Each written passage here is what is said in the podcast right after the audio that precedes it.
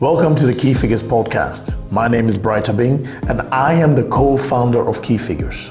Every Wednesday afternoon at 12 o'clock noon, I will sit down with a key figure within finance, business intelligence, and data to have a wide ranging discussion within this exciting business area. This podcast will be in English or Dutch. And this podcast is for all professionals within the finance, business intelligence, and data area looking to learn, grow their minds, and possibly level up. We at Key Figures believe these three areas are moving towards each other, which is great for decision making. But this evolution brings more challenges and thankfully massive opportunities for businesses. So join me, Bright being your host, every Wednesday afternoon at 12 to learn, grow your mind, and help improve your business thanks to the insights from the world of finance, business intelligence, and data.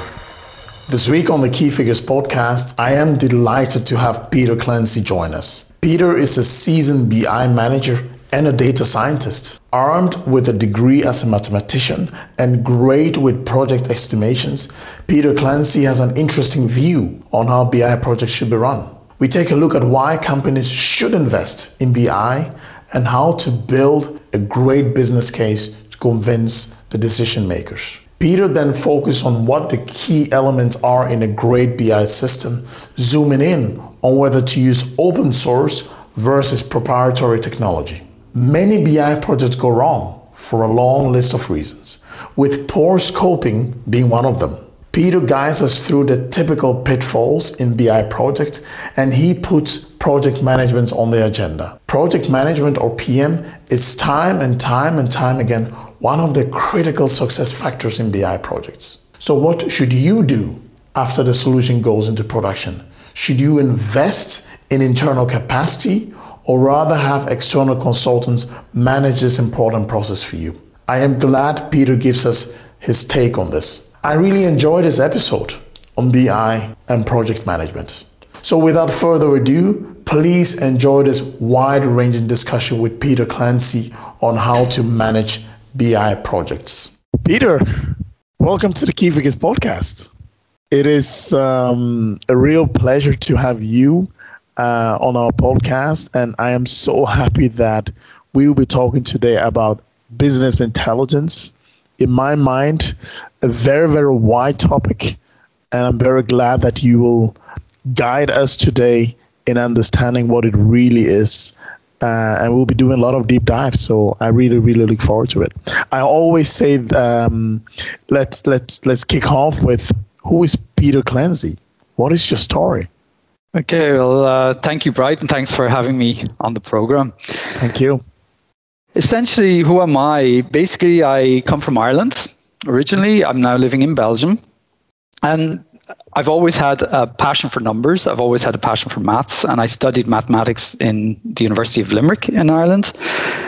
I even went into all kinds of artificial intelligence types of ideas, writing neural networks back in 1990 when there was even no powerful computers that could really so I kind of developed an initial interest in data science at that point. Sure.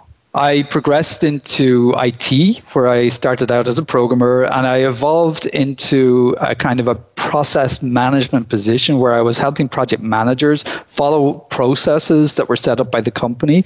But I noticed again a, a lack of understanding of how to build estimates for projects. So I got heavily involved in estimates, and then the numbers started coming back into my work. And ever since, numbers have become part of my work in every nearly every function I've had, if not every function I've had. Um, so I, I, started helping by doing estimations for projects across uh, different countries.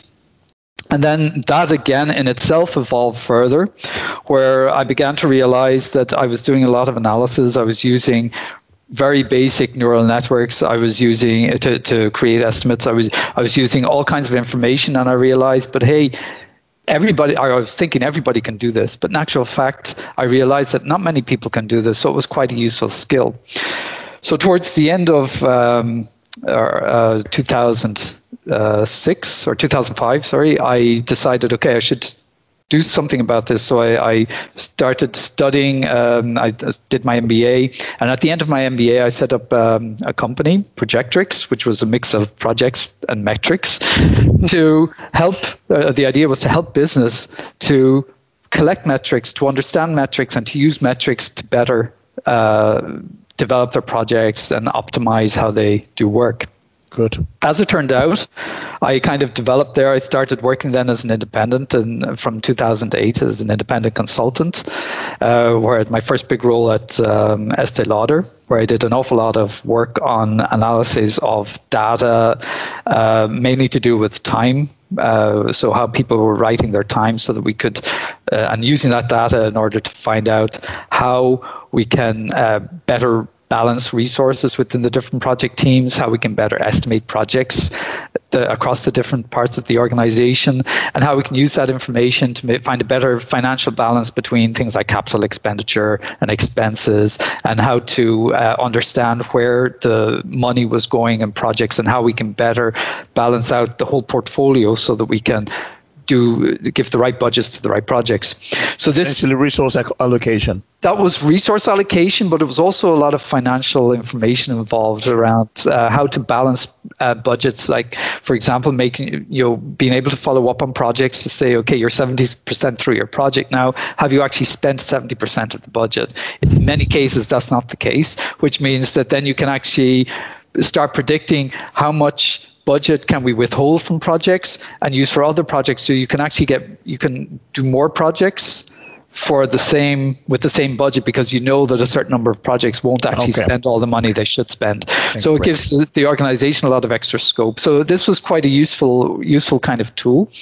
And then I evolved further um, and I realized that this is actually more a what today we call data science type role and data analytics type role, but in those days it was just considered a metrics role. It wasn't. Uh, there was no fancy data science terminology for what I was doing at that time. Um, so then I, I, again evolved a bit better, and I started learning a bit about uh, small and medium companies to try to help them because I I felt that they were missing that component of data science. Small companies tend to be small operations. A lot of people wouldn't really know about how things like data science, digitization, and so forth can help them. So I try to evangelize, if you like, that across uh, small companies to help them to develop their data capabilities mm-hmm. and to help them move into a data area where they can use the data that they have as much as possible leverage the data that they have and use that to make decisions that will help them to develop their business. This was good in some respects, but it was also very difficult because smaller companies tend to have a reluctance to spend money on as one person called it, a heap of numbers. So I kind of tried to explain the benefits of these, which was was difficult. But um, it's it, it, in some cases it worked and some some small companies were willing to uh, take a jump and they, they saw the concept and other companies were were less likely to jump because they didn't really see the big picture. So then i evolved further and i went into um, I, I create this uh, Threequence idea, which was initially three steps uh, collect, analyze, and report, hence the three. And I basically moved from, from there into again trying to help companies, but I was I was working with a few different companies and small and, and bigger companies to again help with taking data, setting up the whole chain of data from data input through to uh, dashboards. So in, in some cases, I worked a bit on the architecture. In other cases, on the, the actual uh, ingestion architecture, so how we get the data, how we find the data, and how we bring it into the databases, the database architecture itself, and then creating data warehouses to actually okay. use the data to produce reports. Okay, so that great. kind of brings me more or less up to date. That's great. Uh, Peter, thank, thanks for the introduction. It was um, uh, very detailed and it gives a, a great overview of, of all the things that uh, you can and your areas of expertise. Um, uh, today, uh, I would like to take you, um, or rather, I think I would like you to take us on the journey in, in, in business intelligence. And as you rightly said in your introduction, I think um, business intelligence has matured from the very beginning that only the, the, the big firms and the big companies were doing it. And it is really um, growing very fast and also being adopted by medium sized to smaller firms. And I think you made a great point over there where you said that um, maybe mid sized companies don't always see the added value of, of having business intelligence actually support your decision making uh, process. Um, so I would like to start with this question what, what, How do you get them to see the return on investment on these on these projects? Why should they invest in BI, essentially? Okay, so the the first part about uh, return on investment as such is it is very difficult to calculate. So the first thing that people have to realize is this is not something simple that you can call somebody and you can say, okay, hey, I have I'm I have this type of company. I want to do a digitization project. I want to do a BI project, or I want to start from scratch. What's it going to give me? What am I going to gain out of this?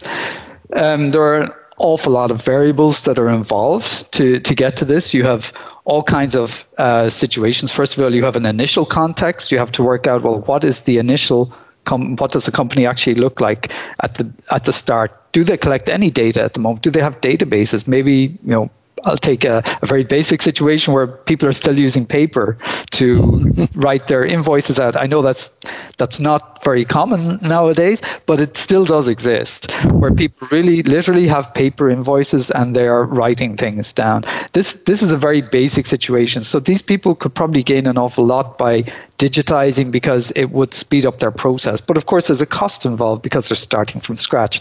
Then you have other companies, uh, small and medium and, and large. Uh, large companies who would already have a basic infrastructure in place. They probably have a platform in place. They probably have some ecosystem of various different uh, tools that they use in place. However, if I would give an analogy, over the years, I've uh, lived in a few different houses and I have a toolbox that has grown over the years, and there are various different tools to do different things. But there is no way that I can use that same toolbox to become a master carpenter. I would need to have to throw out the toolbox I have, maybe keep a few pieces, but I would then have to buy the right tools that are properly integrated. And it's exactly the same with businesses. Businesses over the years have accumulated a lot of tools that they use. They've built a lot of programs and little applications and various different tools, most common being Excel, uh, to create the reports that they need and create the information that they need.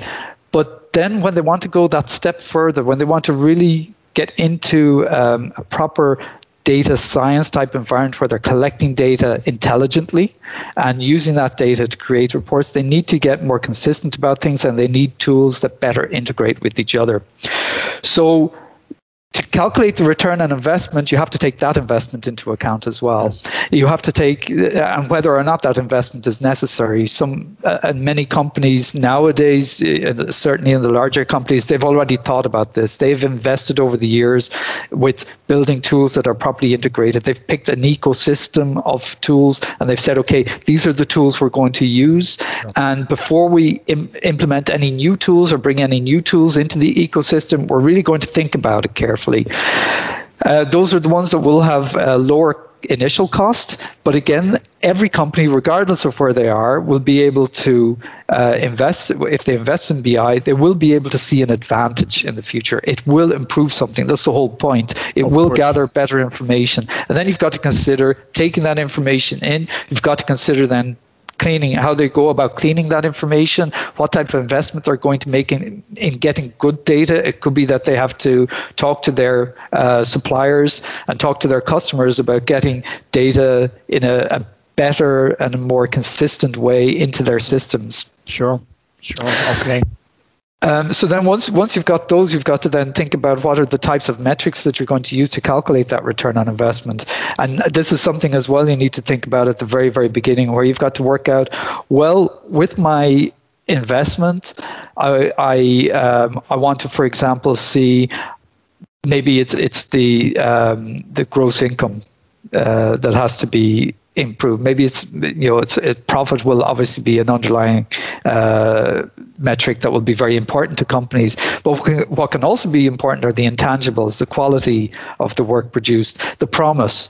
I I as a, a as a, a business, I'm going to deliver my product on the first of August. If I deliver that product on the first of August, I gain a lot of goodwill, I gain credibility and so forth. But if that goes to the 15th of August, maybe I don't. Maybe I, I lose a lot of goodwill. So that kind of quality also has a cost associated with it, and that cost also has to be taken up on the return sure, on investment. Sure. If I can maybe add um, uh, one thing to it, and I'm going to infuse a bit of finance into into this into this uh, podcast, uh, um, Peter, is that I, I, when I talk to companies uh, these days, being it a managing director, CFO, or CIO, people that are really um, at the steering wheel, I would say, of a company, and you talk about what kind of projects that you're running or thinking about running. I sometimes have the feeling that when it comes to building the case um, to to defend the investment um, against the board, that people are all only zooming in into the the quantitative and tangible part of the case, and that there are a lot of what I call positive unintended um, um, impacts that are not um, taking into account when building the case. So I think I'm very happy you you you brought that, and I can only urge that the business building case should be an integral part of the project that at least they need a good finance person who is who is skilled at, at building um, what I will call convincing business cases that are underpinned with good assumptions and, and figures. So I fully agree with, with, with, with what you just said. Um, moving on and switching gears a bit, um, we, we've I think it's very clear what business intelligence. We, there is no need, I think, um, to, to, to define what it is. We now have an idea how to, to build a case at least and, and, and, and come up with a return on investment to defend and, and, and, and start with a project. Let's say you get a green light, right? You get a green light and you need to come up or build a BI system that will help a company progress and, and, and move faster towards their mid and, and long term goals, what are the key elements that made a great BI setup for for the companies you've been dealing with? I know I'm not looking for a one size fits all, but what you have experienced, obviously. Yeah. Okay. So first of all, it's important to realize, and, and for companies, and I, I stress this as well with people, is that BI in, in and of itself is not the goal. BI is an enabler and it enables other people to reach goals. Yes. So essentially, the question is where do you start? That's essentially what your question is, if I summarize exactly. it. And this is a question that comes up a lot. And again, it depends, as I mentioned before, it depends a little bit on the context of the organization. But the first thing when I'm involved in the project is to look at where is the company now? What do they have? So you, you need to do some kind of a scan of the company and you need to see, well, what systems are they using? What are the data sources they have? How are they dealing with that data? How are they managing that data? Either taking it into the company, or are they cleaning it? How are they uh, then bringing it into databases and how are they essentially using that data? Sure. So you have to look at the whole the whole ecosystem again, uh, talking about ecosystems, but you have to look at the whole ecosystem and see, well, where's the data coming from and how good is it? So I go and I, I essentially start looking for information um, documentation around the types of interfaces, assuming that in many cases there will be interfaces coming in from either suppliers or cl- clients or um, within the company itself through different departments. Uh, there'll also be a lot of manual inputs, which will involve different input type systems, uh, web based or otherwise. And all this information then has to be understood. And, and in some cases, a lot of companies will have uh, documentation around this, but what I would encourage them at the very beginning is to document as much as possible and understand the data they're collecting, but understand the data that they need and try to understand and try to rationalize uh, whether or not there is data there that can actually be left out because while we have a lot of data, we don't necessarily need all the data uh, for what we want to do. So there's a, an initial goal of looking at the different data. At, in parallel to all this, of course, the, one of the most important things is talking to the business and the management sure. of the business sure. to understand what exactly do they want to achieve, what is their goal, what is their strategy, and does data fit into their strategy? Does BI fit into their strategy? Have they considered it properly? Have they put aside budget to invest in it? Because it is an investment. It does bring a return, but that return is delayed based on the results of the project. Sure. So when once the business is behind that, then they need to kind of consider, you know, where where exactly do they want to start. So one of the important points about BI in general is it should be an evolution rather than a revolution. It should be something that is gradually brought into a company. You start small, you pick the low hanging fruit, you prove to people that it works, you get all the people on site. Some people in a company as you said, are very financial focused and they mm-hmm. they understand and they understand numbers detailed in a detailed way. So they want to see the numbers. They want to they want to see the, the definite proof in numbers that it works. Then there are other people who are a bit more conceptual and they kind of understand, well, it's logical that this is going to help me and it's logical it can be a big help and we need to do it. And both of these people are both of these groups of people need to be convinced in the same way.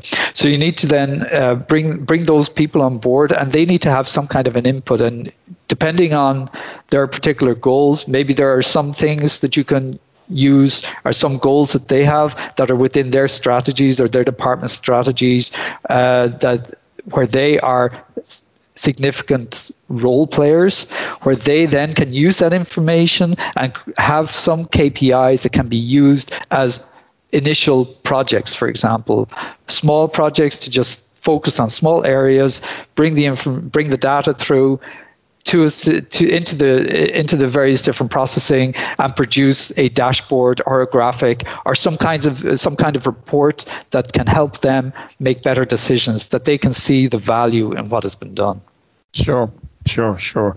I, just just a side note on this, I think you you've brought a lot of elements um, that need to be taken into account.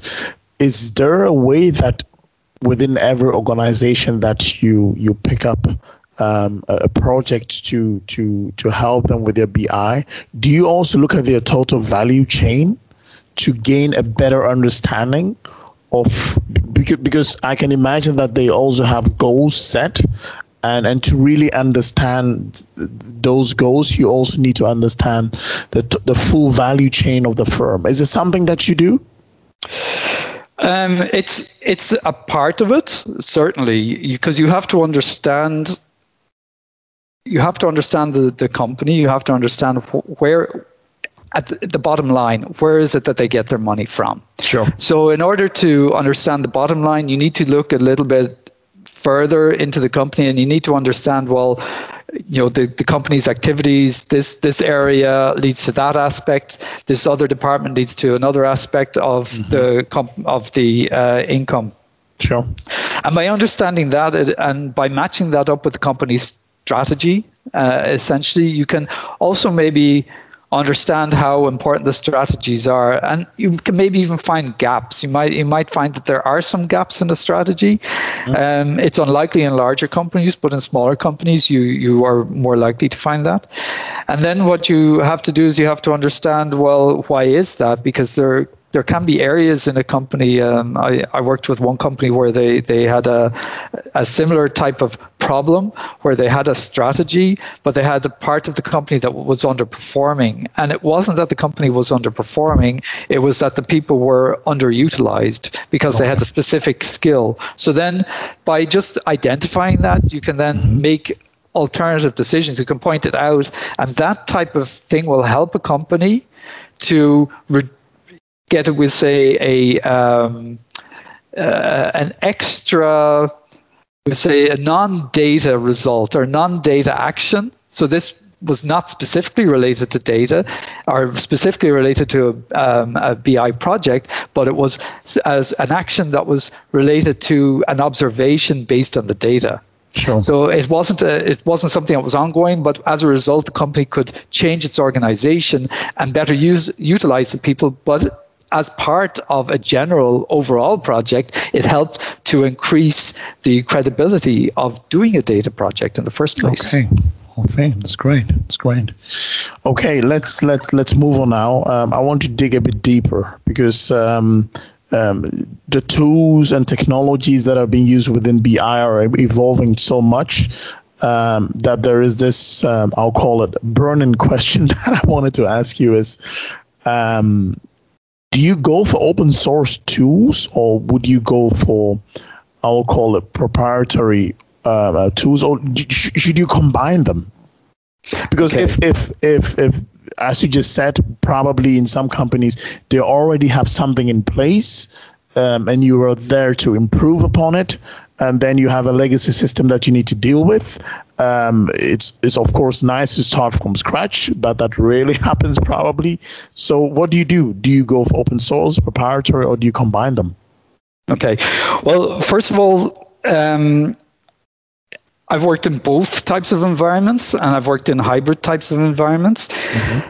Um, and and essentially, there it, it, depends again a little bit on the context. So you have companies that they have an idea of what they want to do, but they're not quite sure. And what they want to do is they want to have some kind of experiment. They want to do a kind of proof of concept based on you know not specific tools, but just based on the concept itself. Can this type of idea work for me? Can BI work for me? And in that case, open source tools are useful uh, if implemented correctly for a, a proof of concept. Get an idea of if something works, understand the basics uh, tasks that need to be done and the, uh, by the different groups within the organization in order to bring a BI type project to fruition, and then later on make a decision on a specific ecosystem of tools and, and take a look at uh, various different things. So one of the one of the big tools that I've used a lot from an open source perspective in both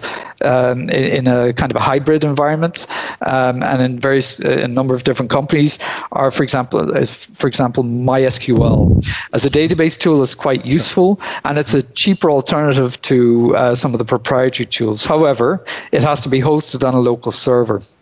Okay. Um, in most cases, which is an issue, especially today. So what's happening now um, in a lot of uh, companies, which is uh, a good move, a lot of companies are moving more towards the cloud and more towards the situation where they're bringing information into an AWS, an Amazon Web Service environment, or some other cloud environment, where they can use the data and where it's scalable, that they can use the the the, um, the storage that they need for their particular needs, and. Uh, that that type of that type of thing is getting more um, accepted and that's across both large and small companies.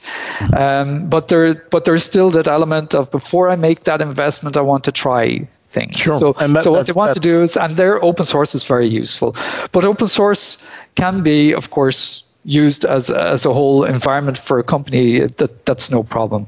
And the same with proprietary. You have all these different systems available, various different companies that offer all kinds of ecosystems that do everything from start to finish.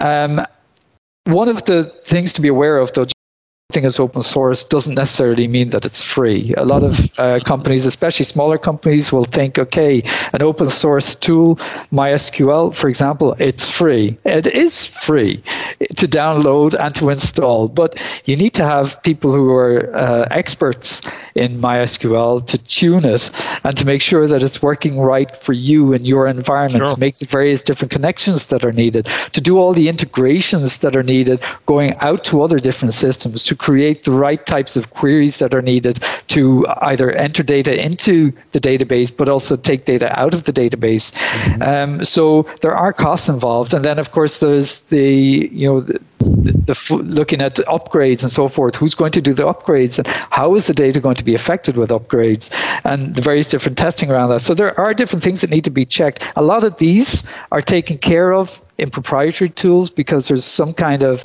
uh, compatibility checks on everything so that you, when you do an update, there is a move forward and it takes care of all the settings and so forth. That's not all always the same in uh, open source code.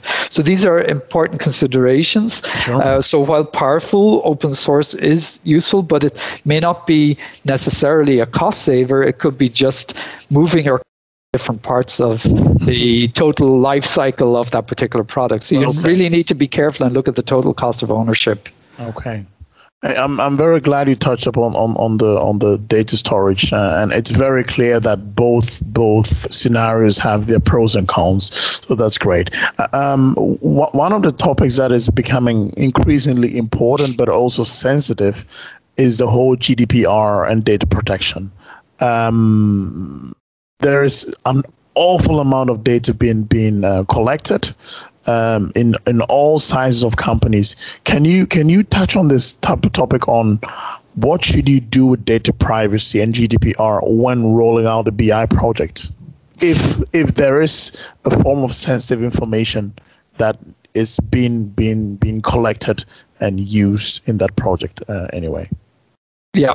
So. Uh, essentially GDPR, of course, is, is a fact of life. I, I think it's in general a positive thing uh, for for everybody. It means our data, our personal data, is protected. But for businesses, it does raise a challenge. And the first challenge that businesses have is they need to have somebody within the company that becomes a data protection officer, who can actually manage the data from a, a high level. Um, and in many cases nowadays, you see those data protection officers being part of the C level board. Okay. So, um, with data itself, you, you really need to be careful. You need to take, in, in any project, you've got um, the two different parts of the project. You've got the project team, let's say, on the one side, who are the people who actually are doing the work with the various different team members, and you've got the other part of the project, which are the various different stakeholders within a company. And when it comes to data, this is where you're talking not only to a data protection officer, but you've got to take into account people in security, and you've got to take people people in infrastructure into account to make sure that whatever data is coming into the company, once it's through the firewall, it's protected in some way, that only the, the right people can see see that data. The people that need to see that data can see that data. Uh, when it comes to the actual um, reporting, you also have to be sure, again, help with help from the people in security and infrastructure and using people in your team like the data, data uh, architect and so forth to make sure that that data is only visible in a report in the right way so that we're not breaking any rules relating to data protection um, so uh, you also have to look at we say the background to make sure that if you're using for example a cloud environment that it is secure that it has been audited most of the big ones uh, i would imagine all of the big ones have been audited in some way. But then there's even the situation, even in a cloud environment, that the actual servers, at some point, the data resides on servers, mm-hmm. they have to reside in a particular location.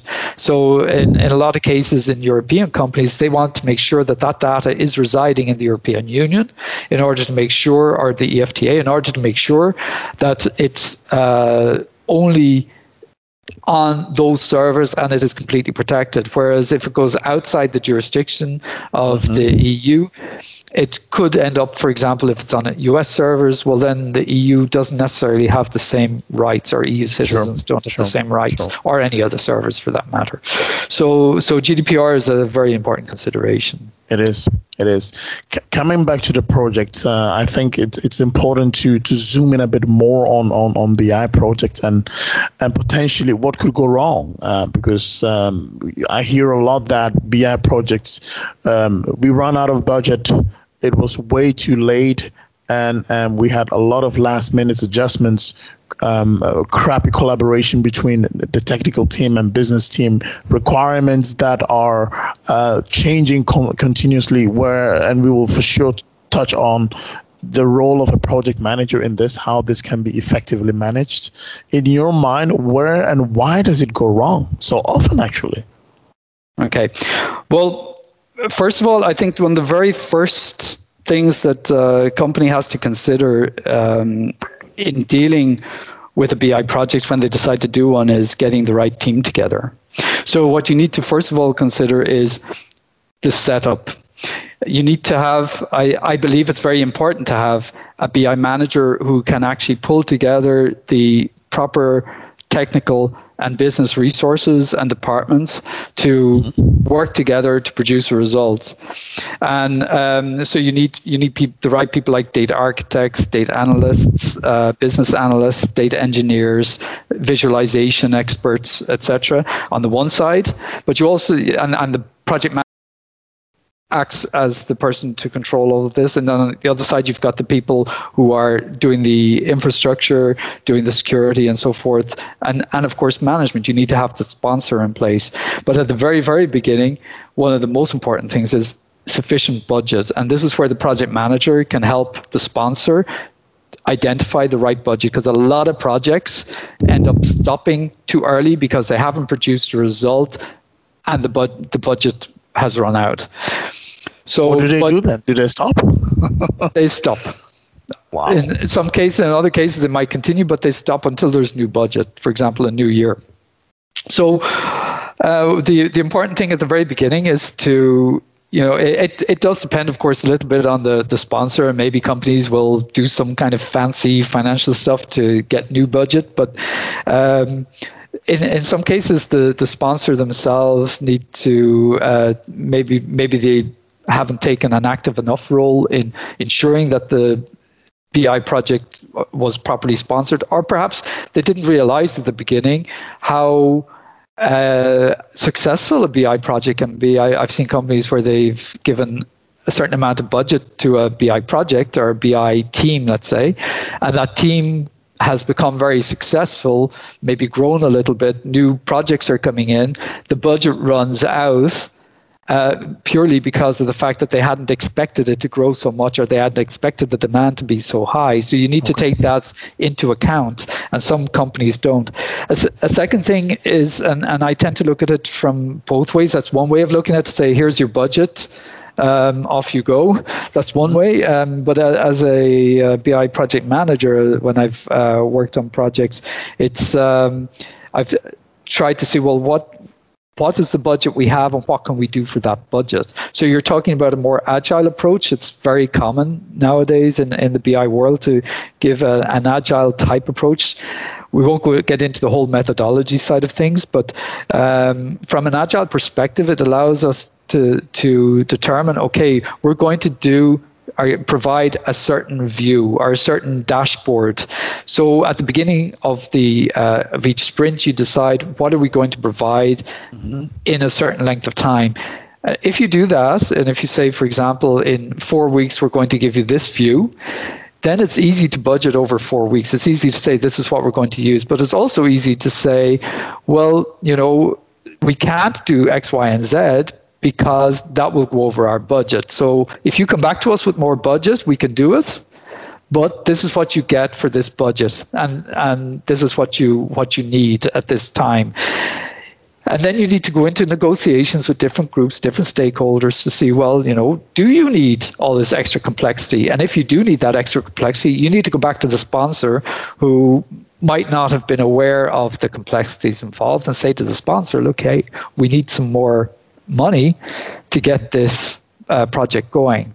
And you can okay. then work out different ways of doing that. If, but if essentially, I may, Peter, that's how it is. If, if I may, yep. Uh, because I think you're touching on an important um, point there, and I think uh, we can tie it back to your introduction where you said that you were doing a lot of estimation uh, of, of projects. I think this is really, really, really an issue with, with projects, being it BI, data science, or even financial projects, that the expectation that is set at the very beginning doesn't tie in with the budgets that are freed up for that project. And then, in my mind, being an ex uh, uh, I think then there was a wrong case that was that was defended um, um, with the sponsors. Uh, how can this process be effectively managed? Is there a need for um, better estimation? And if yes, what are the tips that you would give um, um, a sponsor at, at, least to to look at when looking at the project because they are going to um, um, approve a certain amount, but do they actually know that what they're approving is enough that will cover potential overrun? Do they know that? Um, maybe not. They may not. Uh, first of all, remember, estimation is not an exact science by it's definition. Absolutely not. Okay, so there's always some kind of um, uh, some kind of a variance on any estimation. Um, normally, what you would do at the beginning of a project, any project, BI, any project, normally what you would do is you would have to come up with some kind of business case. You would have to say, on the basis of producing this, we're going, it's going to cost us that. So you put a particular value on a particular product. Product. What happens in in reality is that you have a change of requirements. So a, a business customer will say, "Yes, I want that dashboard, but instead of having it in blue, I want to have it in red." Um, that's a scope change. So depending on when that comes in uh, to the project, if it's early on in the project, it's relatively easy to fix. But the further you get in the project, the more expensive sure. it gets to fix because not only are you trying to fix it, but you're also trying to undo the work that was done before. So this kind of adds cost. So one of the most important things in any project is to, first of all, make a very good definition of what exactly is going to be uh, produced. So make you, you really need to sit with the various different stakeholders and, and say, well, what is it you want, and what do we have, and then you need to understand the the company structure. You need to understand the comp- the the tools available, etc., in order to make sure that you can then use that information to produce a reasonable estimate. But then on top of that, you need to say, well, on the basis, and this is where data comes into account, on the basis of history, we know that in projects we're ru- overrunning. Uh, we've overrun in the past.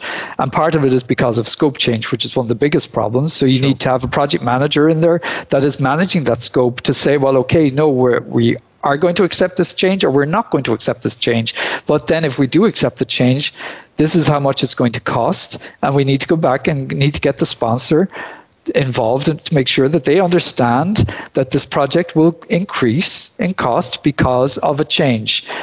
So at the begin, beginning of a project, you need to take that into account, and you you a lot of companies will take what they call contingency into yes. account, and a lot of companies will add maybe 10%, some will add 20%, some might add more. But you need to understand that that contingency will only take uh, care of, of some of that risk, because then on top of that, you need to have, or you will have situations where projects, for other reasons, things are more complex than expected.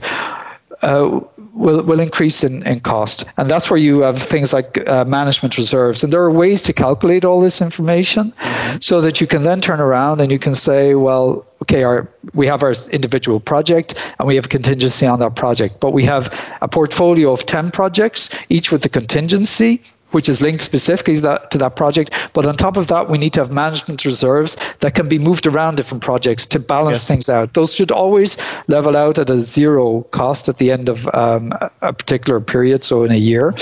And then you need to add in some risk because there will be extra risk, there will be unknowns. And, and uh, when you have unknowns on projects, again, that's very difficult. But that's where you need to get somebody who is good at estimation to help produce a proper overview of what types of costs are involved, what types of people are needed, how you can how you can actually put together a full estimate that is fairly detailed but is also easy to follow up. Okay. Okay. Thanks. Thanks for that. Very very useful. Uh, m- maybe maybe um, looking at the project management side, I think uh, you raised it a couple of times. Um, I think the quality of the project manager of a BI team makes a hell of a difference on not only how fast the project will run, but also um, how effective the project team can, can work. What are, what are the right combination of skills that a good project manager needs to run a BI project? Okay, so for, first thing, of course, communication. Uh, a project manager has to be able to talk intelligently to each of the different stakeholders. They have to be able to understand, on the one hand, the business needs and mm-hmm. why the business has those needs. And on the other hand, they need to be able to talk to the technical people and understand their challenges and their needs as well. So, what you need to do is you need to um, ensure that you've got a good mix within as a project manager you, need to make sure you have a good mix of the skills that they match what is required to the customer. You need to also do the same when it comes to the business side of things. You need to make sure that you've got the right stakeholders involved. It happens very often in projects that you have um, a, a set of stakeholders and halfway through the project you realize that you're missing a stakeholder and then you need okay. to get a new stakeholder involved and that adds both cost and time to the project. Um, when it comes to the planning of the project, if you have a, a really detailed plan, that's also very important to work out exactly what you're going to do. Again, that kind of depends on the type of project it is, but a detailed plan is a good help. But as I said in, in one of the previous questions, you you nowadays you really need to consider an agile type approach because sometimes the business might have a specific request for a specific dashboard or a view on data or a report. Um, but maybe they're not 100% sure. And this is where approach really helps where you can take little bits of information and you try to plan the work in such a way that you're producing what's definitely needed mm-hmm. and enough for the business to say well this is this is the next step uh, to this process so that you can maximize or optimize the, the budget and use it in the best way and use the team in the best way. So you're mixing the right skills to do a particular part of the project. Okay, clear. Thanks for that. So yeah, let's hope uh, things go well. There is potentially um, a very busy go live, and then you guys go live, right? That's that's that's that's the goal um, in my mind, it's always important to think what happens after the go live. What work should be kept internally, and what can be outsourced um, in an efficient way for an organization. What What is your take on that? Okay, so I think there. When we say go live, mm-hmm. we have to also remember that a dashboard, for example, in itself, is more like a living organism. The a KPI that is really important today may not be as relevant to the business in six months or a year. Sure. So you've got two aspects to any dashboard that goes live. As such, you've got a technical aspect and you've got a business aspect. Um, and from the business side, you need to have people who are probably internal in the company who understand the business, understand the evolution, who can say, hey, this KPI is no longer valid. We need to have a new KPI. And this is how we're going to calculate that KPI. And they're following on the business side and the business needs and the business uh, evolution. Sure. On the other side, you have the technical people. And the technical people are basically told, uh, told okay, we need to have a new KPI or we need to have to change this KPI in a particular way, and this is how we're going to do it. These technical people don't have to be internal. It's a help, of course. It might make things faster if they are internal, but they don't have to be internal. Uh, the business on the business side, they also they mostly they would be internal because they they hold the the core business of the company in their heads. Basically, sure. they they are building the knowledge over the years. Uh, they're staying with the company. They know the company from inside, um, and they they understand that business aspect. But of course, occasionally they will need to get external experts in to help them to develop their knowledge or to, or to maybe clarify or create new KPIs. So the the from the internal perspective, you've really got you keep your core business internally, and anything technical that's not necessarily core business, you can put external. Okay, okay, that that makes sense. Um, in in your mind, what what are the key trends that you see within BI currently? Okay, so what is hot? What what what is what is fading away? Um, what is going on? Well, I think um, one of the main areas is, first of all, people are realizing now people have been using BI for a while, they're realizing that they've collected an awful lot of data. And while they have an awful lot, awful lot of data sitting on servers, they don't necessarily have all the right data sitting on services uh, on servers. So what they're what they are doing in some cases is looking back at their the data they have, reviewing what they're collecting, and actually rationalizing it. So they're actually considering, well, what data do we need and what data can we dump? What do we not need anymore? That's that's one thing. So they're improving the way in which they do any data discovery. Another area that they're looking at is the data governance. So as I mentioned, the, having a DPO as a result of GDPR, that's just become more visible. But as a general practice, um, it's really good to have people involved in the company who are looking at um, data constantly and managing that data in an ongoing way. Sure. Creating um, things like uh, predictive analysis. So, using the data to make predictions about what's going to happen in the future, to find the insights. So, while we have a, a, a rudimentary start as a result of BI and as, a result of data science into uh, various different insights within a business, businesses are starting to see these benefits and they're starting to ask more questions. So now there's there's um, more predictive analysis needed, more what if type analysis. What what if we do X? What's going to happen? Um, but in addition to that, there's a, a, larger demand for users to have on-demand reporting. So they want to do their own analysis. They want to have some kind of access to some kind of visualization tool that will allow them look directly at the data and play with it themselves. They, self-service, actually. A self-service model. Yes. Before they specifically make any decisions about a particular type of report they want to see on a, a, a weekly or monthly basis. Um, and then you've got you you're basically looking at that the BI side combined with the predictive side, and, and you're then then you're heading into a more artificial intelligence side where you're where people are starting to look at uh, everything together and they're starting to move to a another level where where they're really trying to look at take a more holistic approach and go into a more augmented type of analytics where they're looking at everything together they're trying to get more and more involved in their data and understand the various different aspects of their data so that they again can make better decisions.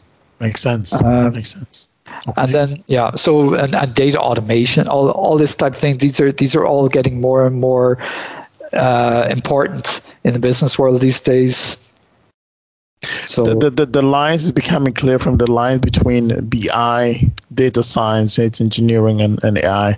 It's becoming very, very blurry, uh, and, and, and they are essentially converging to each other.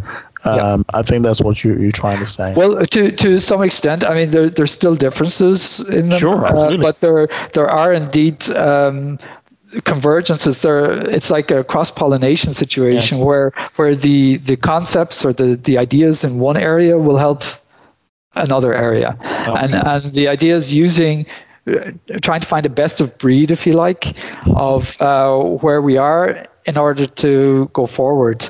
And the comp- competition, you could argue, from a data perspective as a company, you have a, maybe a few years ago you had a competitive advantage by doing data science in some form.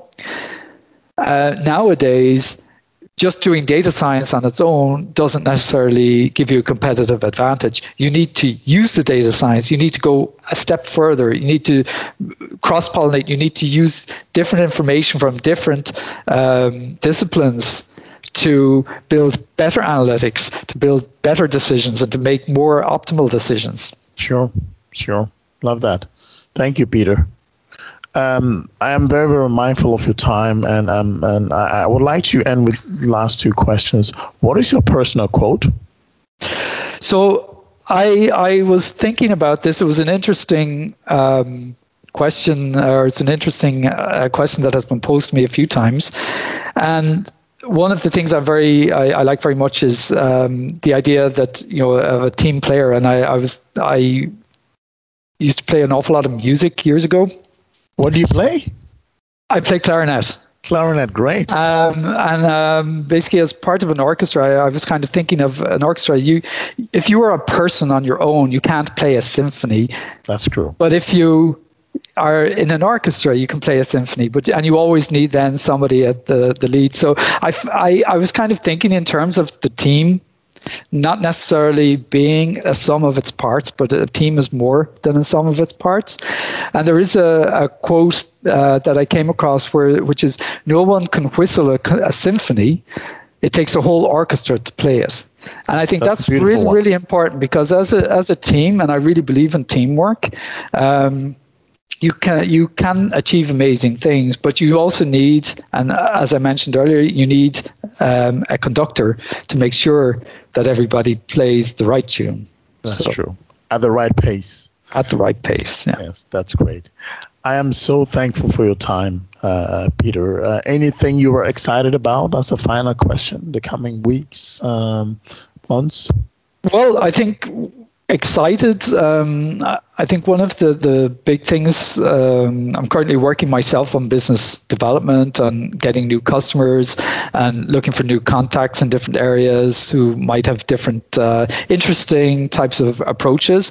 But I think one of the big challenges that will also be a huge opportunity is the outcome of uh, COVID 19. So, on the one hand, of course, it's a huge low to businesses. It's, it's very difficult, a very, very difficult time for a lot of businesses. But I do believe this is going to also present a lot of opportunities for okay. people.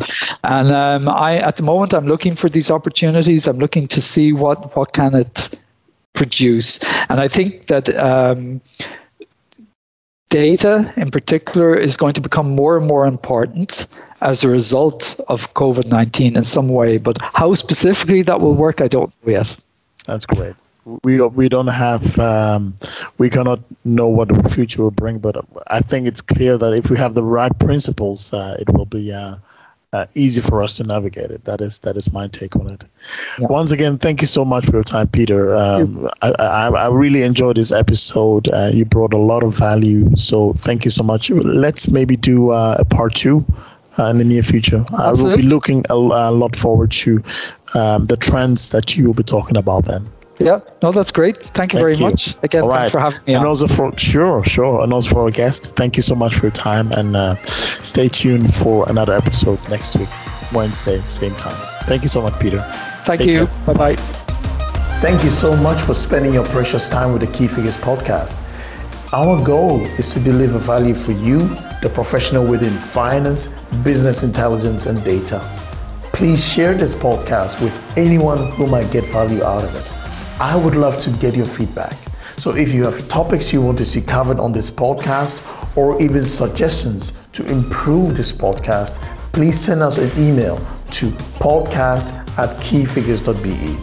We read and respond to every email we get. That is a promise. Please also take just one minute to give this podcast a five star rating if you believe we are delivering value. This will help us reach more professionals looking for great content to grow their mind. You will also find all the show notes at www.keyfigures.be. Thanks again for listening and see you next week, Wednesday at noon. Bye bye.